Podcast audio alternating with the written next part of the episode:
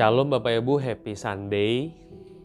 Beberapa hari terakhir saya merenungkan bagaimana Yesus Kristus bangkit. Kemarin membaca dua hari 1 Korintus pasal 15. Di situ Paulus mengatakan dengan tegas bahwa iman kita sia-sia kalau Yesus nggak bangkit. Saya juga berkesan dengan ayat 19, kalau kita hanya menaruh pengharapan pada Kristus hanya untuk hidup di sini saja, kita adalah orang yang paling malang. Bapak Ibu ikut Yesus cuma buat sehat, kenyang.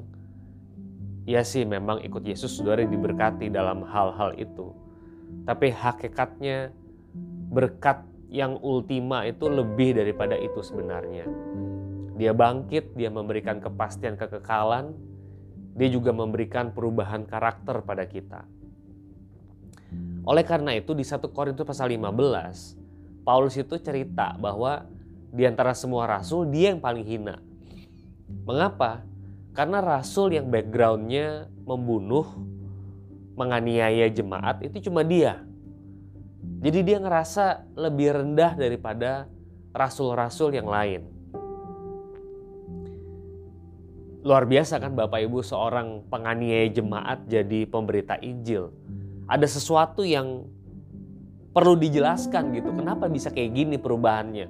Transformasi bisa seradikal ini. Dan hari ini dalam saat teduh saya membaca kisah Rasul pasal yang kedua mengenai Petrus. Nah Petrus ngomong begini nih Bapak Ibu. Ayat yang ke-23 24. Dia yang diserahkan Allah menurut maksud dan rencananya telah kamu salibkan dan kamu bunuh oleh tangan bangsa-bangsa durhaka tetapi Allah membangkitkan dia dengan melepaskan dia dari sengsara maut karena tidak mungkin ia tetap berada dalam kuasa maut itu. Saudara Petrus ngomong kayak begini. Kamu bunuh, kamu salibkan, tapi dia bangkit. Kamu, kamu bunuh, kamu salibkan. Petrus itu berani sekali dalam pengabaran Injil di kisah Rasul pasal 2 ini yang dicatat.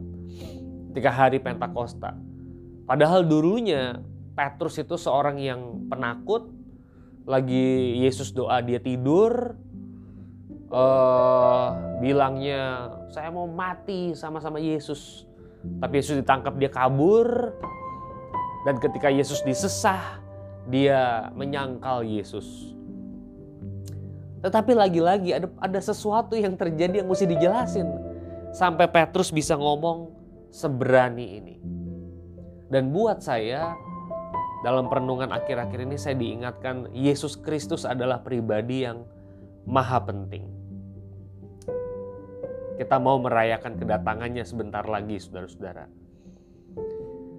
Wahyu 19 ayat 16 mencatat bahwa tertulis Yesus itu raja di atas segala raja, tuan di atas segala tuan. Gak ada yang lebih tinggi, lebih powerful daripada dia. Filipi 2, 5 sampai 11 mencatat semua lutut bertelut, setiap lidah mengaku Yesus adalah Tuhan. Saudara pertanyaannya adalah apakah kita menantikan dia? Kita kangen gak sama Yesus? Kita rindu gak sama Yesus? Apa yang kita rindukan? Ketika renungan ini dibuat tadi pagi saya dapat info bahwa ada satu varian di Afrika Selatan yang ditemukan berpotensi lebih menular daripada Delta.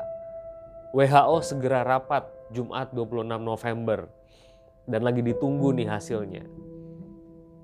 Apa kiamat sudah dekat, saudara-saudara? Saudara, apa yang paling kita inginkan, paling kita rindukan? Jujur saya pribadi waktu bersaat teduh ini saya pikir enak banget kalau bisa liburan sama istri sama anak saya. Saya jadi berpikir kenapa saya, kenapa kita nggak memikirkan, aduh pengen deh ketemu sama Yesus. Orang yang sebetulnya hidup kita itu bertumpu sama dia. Hidup kita itu sebetulnya bersandar sama dia sepenuhnya seutuhnya kita doa tiap hari sama dia. Tapi apakah kita menantikan perjumpaan dengan Yesus? Belum lama ini kita ada Minggu Kristus Raja mengenang orang-orang yang meninggal. Kadang-kadang kita mungkin berkata ke orang yang meninggal, kasihan ya, masih muda sudah meninggal. Atau kasihan ya, udah gak bisa lagi menikmati dunia ini. Gak bisa makan roti, mungkin roti kesukaan saudara, Holland Bakery, Long John. Gak bisa lagi menikmati makanan, gak bisa lagi menikmati kemewahan dan sebagainya. Tetapi Bapak Ibu Saudara kalau kita baca di Alkitab, orang yang meninggal di dalam Tuhan itu dia dapat roti hidup gitu. Dia mendapatkan Yesus Kristus itu sendiri. Lah saudara kan belum dapat dan saya roti hidup.